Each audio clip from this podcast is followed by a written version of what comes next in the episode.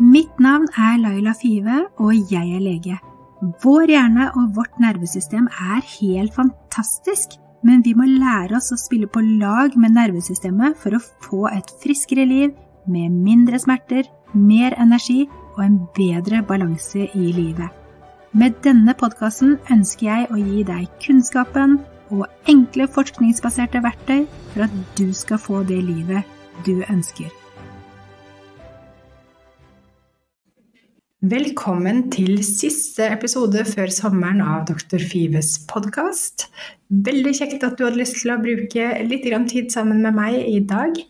Jeg begynner på igjen i starten, eller i midten av august, tenkte jeg. Og da blir podkasten litt annerledes med flere gjester. Både de som har gått i kurset mitt, og andre som har erfaring, fagfolk, flinke fagfolk som jobber med smerte eller utmattelse. Så det blir veldig, veldig spennende. Det gleder jeg meg veldig til. Når jeg har hatt denne podkasten og jeg har drevet min Instagram-konto, så er det veldig mange som har spurt meg om dette med nevroplastisitet. Hvilke lidelser er nevroplastiske? Og hvordan skal man vite om den lidelsen man har er nevroplastisk eller ikke? Og hva er det som egentlig skjer i mitt kurs? Så jeg tenkte jeg skulle bruke min, den siste episoden nå, før sommeren, til å snakke litt om akkurat disse tingene. De tilstandene som er nevroplastiske, det er de aller, aller fleste kroniske smertelidelser. Og det trenger ikke å være sånn at du har de hele tiden, men det er gjerne sånn at de kommer igjen og igjen. Sånn at hvis du har f.eks. korsryggsplager eller nakke- og skulderplager som kommer og går igjen og igjen, og gjerne kommer i mer stressfulle perioder og sånne ting, så er de nevroplastiske. Og hvis du har en kronisk smerte som har vart i mer enn tre måneder, der legen ikke finner noen åpenbar grunn til at du skal ha smerte. Og det betyr ikke at ikke du har fått en grunn av legen, for leger prøver å forklare smerter for mennesker så godt de kan, og prøver å finne gode grunner til at man har smerte, men det er ikke alltid at den grunnen man har fått oppgitt, må nødvendigvis være årsak til smerten. Så man kan også gå tilbake og spørre legen er det mulig at jeg har smerte uten at det er dette som er årsaken, kan det være nevroplastisk. Og da vil du sannsynligvis få et svar, og legen vil kunne gjøre en god vurdering i forhold til det. For de fleste leger vet at eh, noen typer lidelser eller funn, de trenger ikke nødvendigvis å gi plager. Så det er viktig å forhøre seg to ganger med legen hvis du kanskje har mistanke om at din lidelse kan være nevroplastisk. Dette gjelder f.eks. ofte ved svimmelhet, at man kan si at man har fått en kronisk svimmelhetstilstand, og at dette sannsynligvis er et eller annet i mellomøret eller noe sånt noe. Men ofte så kan ikke legen forklare egentlig 100% at du skal ha denne svimmelheten fortsatt, og at det kanskje fins andre måter å løse dette svimmelhetsproblemet på. Så nå har jeg nevnt noen lidelser, f.eks. rygg og nakke og skuldre, og svimmelhet, men det er også en rekke andre tilstander, f.eks. kronisk hodepine, kronisk migrene, fibromyalgi, IBS, som man ikke får kontroll på. Det kan være tinnitus, eller det som kalles for øresus. Eller det kan være leamus, kramper, lammelser, eh, nummenhet Ja, det kan egentlig være veldig mye forskjellig. At det er litt vanskelig å helt nevne alle tilstandene, for eh, de fleste kroniske smertetilstander de er nevroplastiske. Det er noen som ikke er det, selvfølgelig. Og så er det utmattelsestilstandene. De fleste utmattelsestilstander, med mindre det ligger en sykdom bak som forklarer at du er utmattet, så er de også nevroplastiske. Det vil si at det er mulig å jobbe deg tilbake og jobbe med nervesystemet og kroppen, sånn at du ikke lenger trenger å være utmattet, og at dette her kan reverseres langsomt, men sikkert. Felles for alle disse lidelsene er at de utvikler seg pga. et langvarig stress i kroppen. Det betyr ikke at du trenger å føle deg stresset, men at du har hatt en økt aktivering over lang, lang tid. Det fins en rekke kriterier eller en rekke tegn på at smerter er nevroplastiske. Men disse tegnene de trenger du ikke å ha flere av eller alle av. Kun ett tegn kan bety at det du har er nevroplastisk, hvis det i tillegg har vært kronisk, dvs. Si at det har vart i enn tre måneder, og legen ikke har en god medisinsk forklaring for at du har denne plagen. Sånn at ett tegn det er at plagen begynner uten en skade. Eller den varer mye lenger enn den burde etter at skaden bør være tilhelet. Hvis symptomene begynner helt symmetrisk, at de begynner f.eks. i begge knær, begge ankler, begge sider skuldre, så er det mest sannsynlig nevroplastisk når det ikke ligger noe annen sykdom bak. F.eks. hvis det var artrose da, som var årsaken, så vil ikke det begynne helt symmetrisk, at det skulle være like vondt på begge sider på en gang. Det er jo lite sannsynlig sant? at artrose, f.eks., hvis det er det som gir smertene, så er det mer sannsynlig at du får vondt først ett sted, og så at eventuelt så kan det komme over i andre steder etterpå. Eh, hvis symptomene kommer på halve siden av kroppen, f.eks. halve hodet og halve overkroppen og armen og beinet, så er det mest sannsynlig nevroplastisk. Eller hvis det er bare hode, ansikt og overkropp på én side, så er det også mest sannsynlig nevroplastisk. Hvis det er sånn at det flytter seg rundt i kroppen til stadighet, så er det også et tegn på nevroplastisitet. Eller hvis symptomene går ned langs ett helt lem uten at nerve er i klem, eller det følger nervebaner, eller hvis det stråler over på andre siden av kroppen, så er det ofte et tegn på nevroplastisitet. Og følelser av f.eks. brenning eller nummenhet eller prikking eller kulde eller varme eller elektrisk støt, det er også oftest sånne karakterer av eh, smerten som er av nevroplastisk karakter. Hvis plagene varierer over tid på døgnet, at du f.eks. alltid får det på kvelden, eller alltid har det om morgenen når du våkner, eller at du våkner med midt på natten f.eks., at det har på en måte et slags system, så er det også et tegn på at dette er nevroplastisk. Og hvis plagene kommer etter trening, mens ikke mens du trener, en rent fysiologisk, strukturell lidelse vil jo ofte gjøre vondt når du belaster det som er skadet, eller noe sånt noe.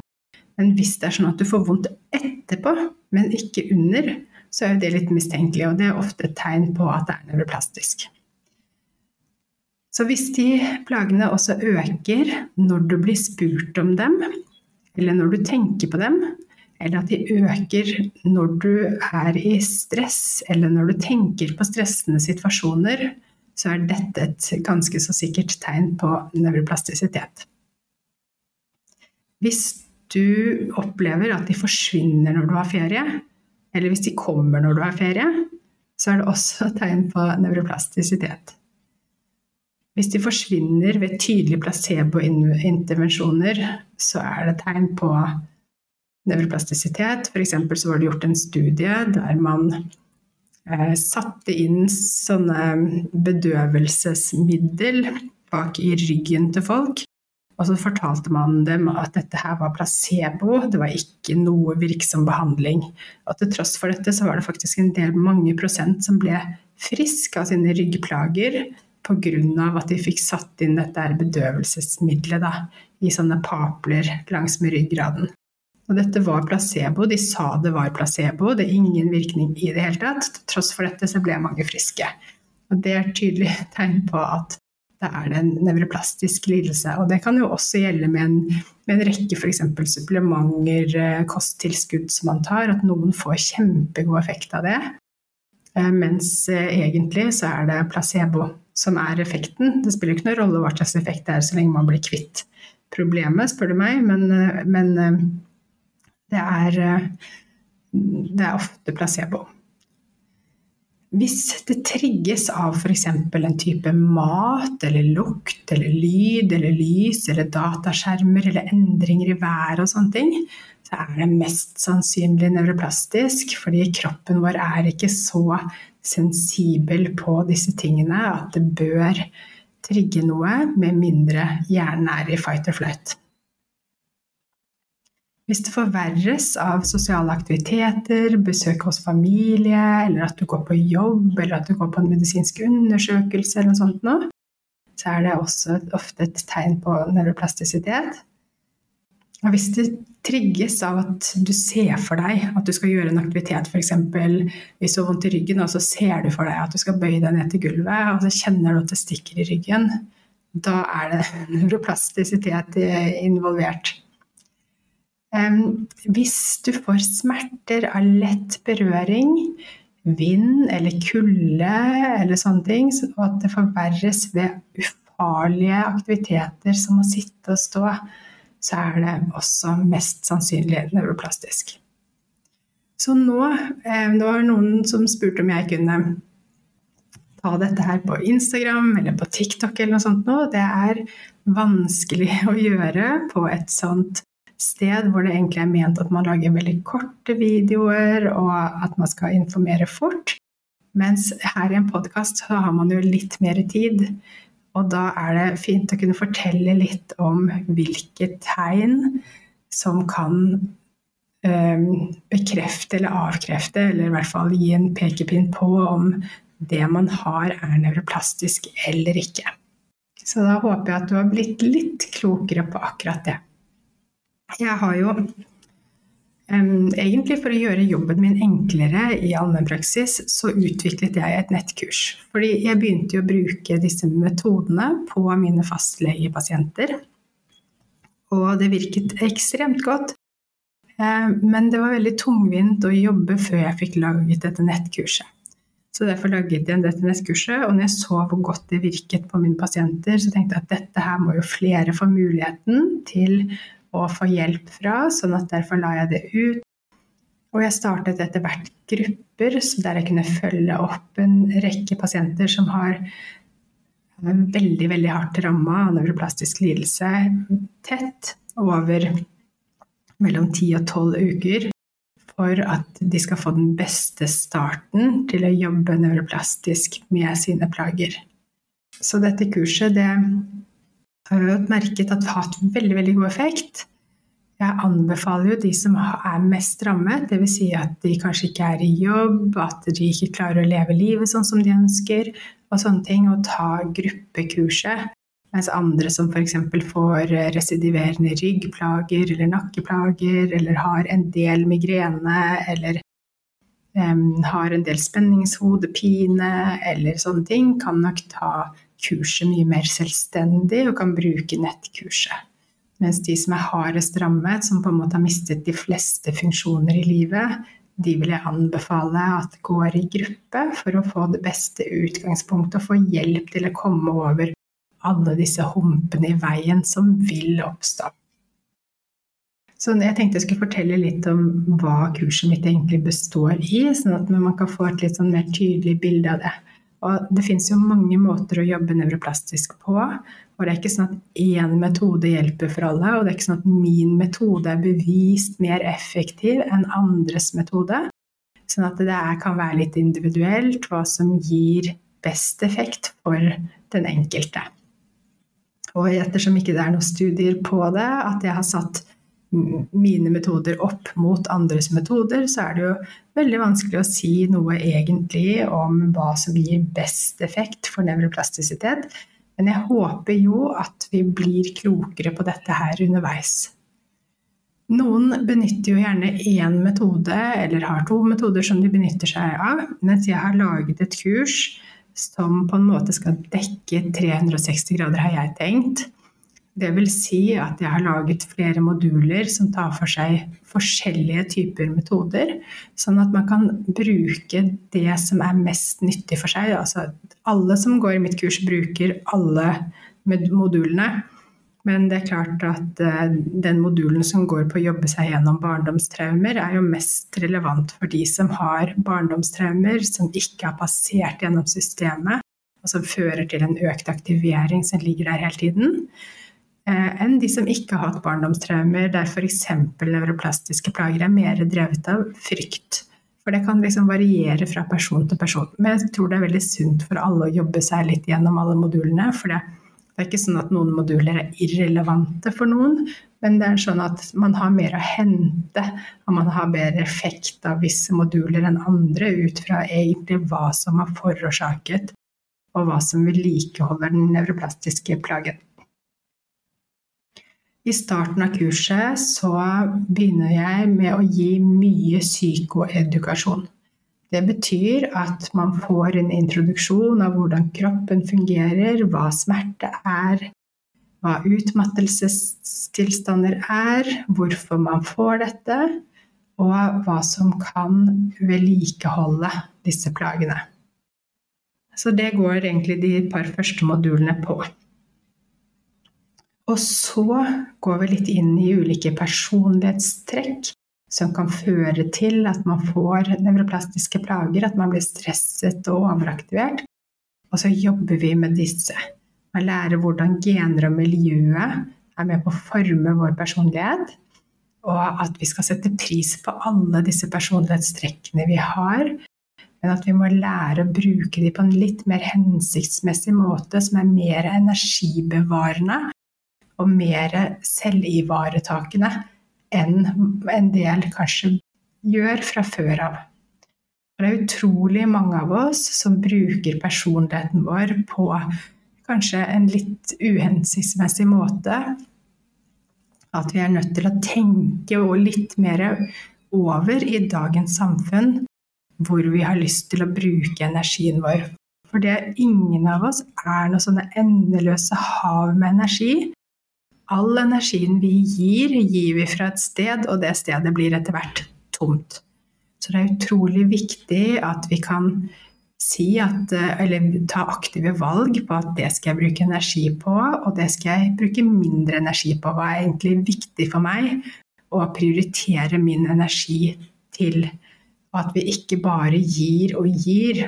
Fordi at før i tiden så kunne vi gjøre det. Og vi trengte ikke være obs på hvor mye energi vi faktisk skulle benytte på de ulike arenaene, for det var ikke så mange arenaer å benytte energien sin på. Mens nå så er det enormt mange arenaer som vi benytter energien vår på. Det er utrolig viktig at vi passer litt på og skåner oss selv. At vi ikke bruker energi som vi ikke har, for da kommer vi i et kronisk energiunderskudd eller en kronisk aktivering i nervesystemet som vil gi fysiologiske og biologiske konsekvenser etter hvert. Jeg pleier å si at de som kommer inn i kurset mitt, de som går i gruppe hos meg, de er som sånne tynne gresstrå som står og vaier i vinden. Så et vindpust eller litt regn eller noe sånt noe vil påvirke dette strået veldig. Mens når vi begynner å jobbe i kurset, så skal vi lage en solid grunnmur. Så vi setter én og én byggestein oppå hverandre av gangen. Og til slutt så skal dette her bli så kraftig som et fjell. Så uansett om det er uvær, så skal du stå fjellstøtt etter at du er ferdig i kurset, eller føle deg som fjell. Og det tenker jeg er utrolig viktig. At vi da kan kjenne på at vi bare blir sånn eh, kasteball som ikke har kontroll, eller som ikke har makt i våre egne liv. At vi faktisk ser at det er kun vi som kan ta styringen og ta kontrollen og ta makten tilbake i våre liv. Og være de som på en måte står skal styre skuta og skal bestemme hvor den skal gå. Så det jobber vi en del med i kurset. Og I kurset så skal man jobbe med å bli kjent med kroppen sin og kikke innover og legge merke til hva som trigger og hva som forverrer symptomene. Og så skal vi jobbe med nervesystemet, sånn at vi skal lære oss å håndtere disse stressordene på en ny og mer hensiktsmessig måte. Så en viktig del av kurset går på å lære opp hjernen og nervesystemet på nytt. Hjernen trigges og sender ut faresignaler fordi den misforstår ulike signaler fra kroppen og reagerer med å uttrykke fare. Men da er vi nødt til å være den som lærer opp nervesystemet og hjernen på nytt, og sende trygge, gode, rolige, selvsikre signaler opp til hjernen. Så at hjernen skal forstå at her er det en misforståelse på gang. At han skal nedregulere sine signaler. Og en måte som jeg bl.a. gjør det på, er å bruke f.eks. pusteteknikker og mindfulness-teknikker for å lære kroppen at det er greit å slappe av, at vi kan slappe av. Fordi veldig mange av oss vi tror at vi lader hvis vi slenger oss på sofaen, ser på Netflix eller scroller på telefonen eller ja, bare ligger og slapper av, eller kanskje går ut med venner. Men det er ikke sikkert at dette her faktisk er um, energigivende i det hele tatt. Det kan hende vi aldri hviler, selv om vi tror at vi hviler. Så Derfor er det viktig å lære opp nervesystemet på nytt til å kjenne at man kan hvile. Og da er det utrolig mange som kan bli veldig aktiverte, veldig urolige, veldig stressa, veldig engstelige. Fordi at eh, da vil systemet reagere, og det er et tegn på at når du faktisk har hvilt tidligere, så har du egentlig ikke hvilt. Fordi kroppen din aner ikke hva dette her er, og går i fullstendig opprør. Når du prøver å skal begynne å faktisk roe helt ned og fokusere og bare være inni i kroppen din. Sånn at dette her er viktig at man øver på flere ganger om dagen for å lære kroppen å slappe av på nytt. Og så lærer vi å trygge nervesystemet ved å bruke visualiseringsteknikker. Og vi bruker gradert bevegelsesøkning for å øke nervesystemets fleksibilitet langsomt, sånn at man kan kjenne at man kommer mer og mer i gang. Vi lærer også der hvordan frykt kan være med på å piske opp symptomer, og at katastrofetenking ofte kan være en trigger som, og en vedlikeholder som kan sitte i systemet ditt og føre til at symptomene blir generert, og at man ikke kommer ut av en ond sirkel. Så det å gjenkjenne disse tankene og bruke teknikker for å avvæpne disse, og søke tilbake til ro og trygghet når disse tankene kommer, det er utrolig viktig. Og så lærer man også at det er måten man holder kroppen på, altså vår kroppsholdning, det vi gjør med kroppen, det vi sier med språket vårt, og de forventningene vi har, de er med på å sende ulike signaler til hjernen. Så det blir veldig viktig at man er bevisst i forhold til dette. Og så lærer vi også at det er trygt å slippe våre symptomer. Vi lærer at det å jobbe med komplekse og undertrykte følelser, og det å tillate å møte alle følelser, selv om det er skamfullt eller uakseptabelt, at det er utrolig viktig for å dempe stress i systemet. For forskning viser at følelser som er undertrykte, som setter seg fast i systemet, fører til en kronisk økt aktivering og faktisk økt inflammasjon i kroppen. Så kursdeltakerne mine, i hvert fall de som er i gruppekurset, jeg kan ikke si hvordan det er med de på nettkurset, men de i gruppekurset de jobber aktivt med nervesystemet fra de våkner til de legger seg hver eneste dag. Det er beinhard jobbing, og jeg gir dem bare verktøyene og presenterer det for dem. Og så må de selv finne ut av sitt system, bli kjent med sin kropp, identifisere sine triggere, finne ut hvordan man best mulig skal jobbe med kroppen sin for å nå sine mål og få resultater. Og det gir jo de som er i kurset, en enorm følelse av mestring og glede og kontroll når man kjenner at man faktisk har muligheten til å helbrede seg selv. Og både de og jeg blir utrolig stolt, og de blir veldig sånn sterke av å eie denne prosessen. Det er ikke en lege eller en medisin som kurerer dem, men det er deres egne iboende kraft som kurerer dem. Og det er utrolig fint å se. Og så er det ikke alltid nervesystemet og hjernen har lyst til å samarbeide, så det er mange oppturer og nedturer underveis. Men alle nedturene gjør kursdeltakerne sterkere og mer robuste. Slik at de bygger den solide grunnmuren som skal til for å kunne tåle fremtidig stressbelastning. Så det er veldig, veldig viktig. Og etter at denne jobben er gjort, så er det mange kursdeltakere som sier til meg at de kjenner seg bedre enn på mange, mange år, og til og med sterkere enn de noensinne har gjort tidligere. Og da kjenner jeg bare så utrolig stolthet på deres vegne, og veldig sånn takknemlighet for at man kan på en måte finne seg selv litt på nytt, fordi at man har gått seg litt vill.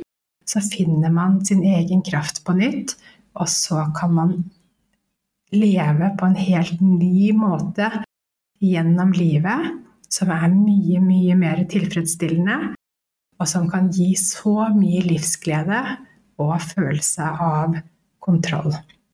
Så mitt mål da, er jo å spre denne kunnskapen til folk, men også nå etter hvert begynne å lære opp helsepersonell og behandlere for å kunne bidra i denne her prosessen. Og jeg tror at de som møter pasienter tidligst, er nøkkelpersoner i denne jobbingen. F.eks. fastleger eller andre behandlere som kommer tidlig inn i prosessen, er helt essensielle, viktige personer for at ting ikke skal utvikle seg og bli nevroplastisk, og for at man kan møte plagene og symptomene på rett måte og få den rette innsikten i hva dette handler om. Og da kan man kanskje unngå at det utvikler seg til årevis med sykdom og lidelse. Så nå håper jeg at du har fått en litt mer eh, grep om hva jeg egentlig holder på med, hvordan vi jobber. Og det er ikke sånn at vi jobber Det er ikke noe sånn at nevroplastiske lidelser er en psykisk sykdom, men det er sånn at når vi jobber med alle disse tingene, og jobber med på en måte å snu nervebane, endre hjernen og sånne ting, så bruker vi tankene, følelsene, kroppsholdning, språket, eh, alle disse tingene, og så bidrar det til rent fysiologiske effekter.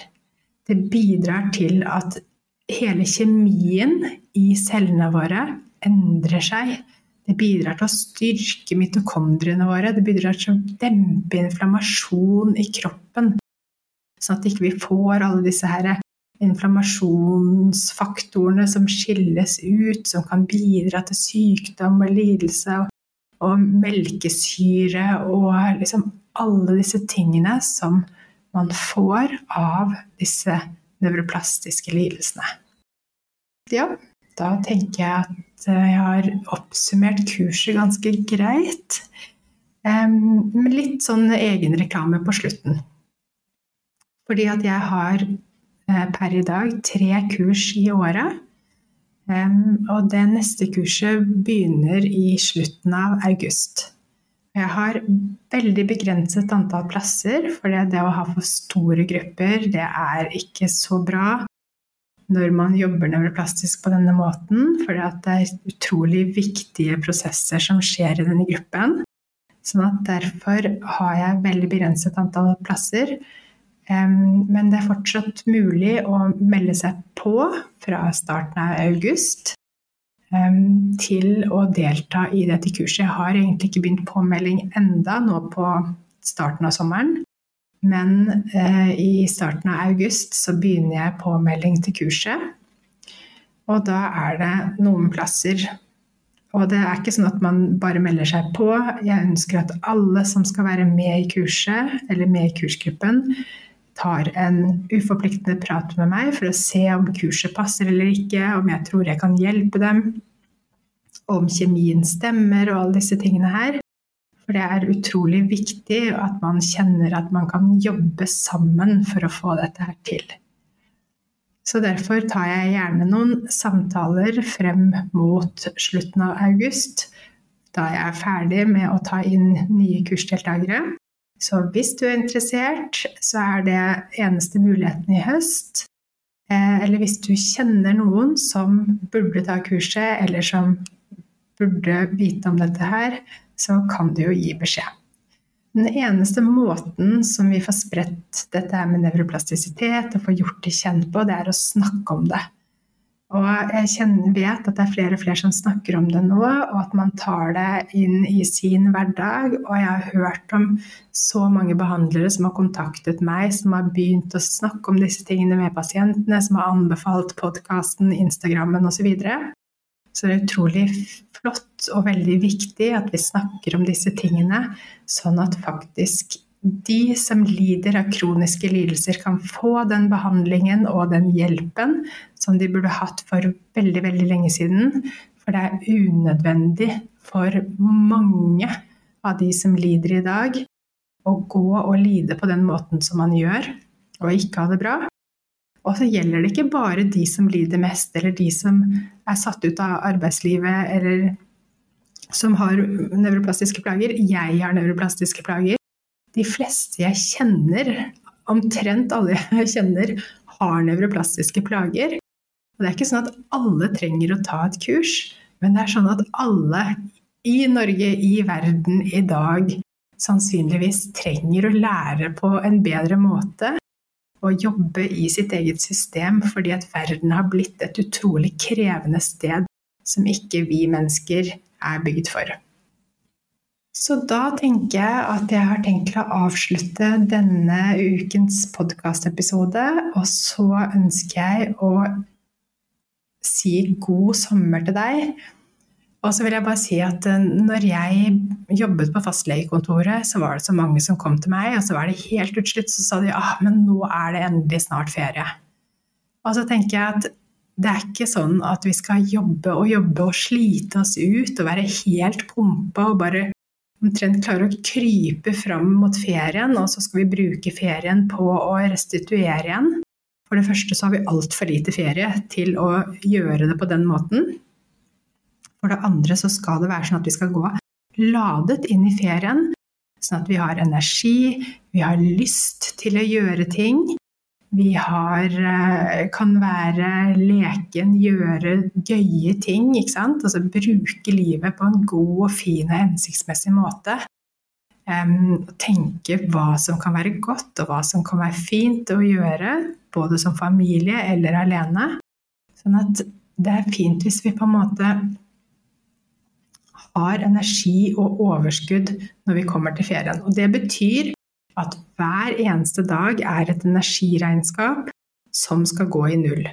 Og hvis det er sånn at eh, du bruker mye energi en dag, så betyr det at du sannsynligvis er nødt til å ha en litt roligere dag dagen etter, og kanskje dagen etter der igjen.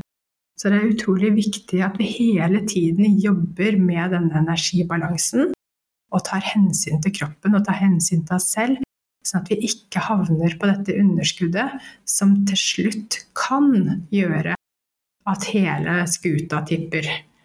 For vi ønsker ikke å komme i den situasjonen, og det skjer med så mange i dag. Så det er veldig, veldig viktig at vi forebygger, at vi jobber forebyggende med akkurat dette her. Så ikke jobb deg i hjel fram mot ferien. Ta og ro ned, stress ned, pust med magen. Jobb litt lettere. Man trenger ikke å ta så hardt i med alt man gjør. Det er lov til å jobbe lett. Og så, når du kommer til ferie, så kan du nyte. Ok, da vil jeg bare si tusen takk for at du hørte på denne sesongen av Dr. Fives podkast. Og så starter jeg opp igjen i august. Så på gjenhør. Ha det godt!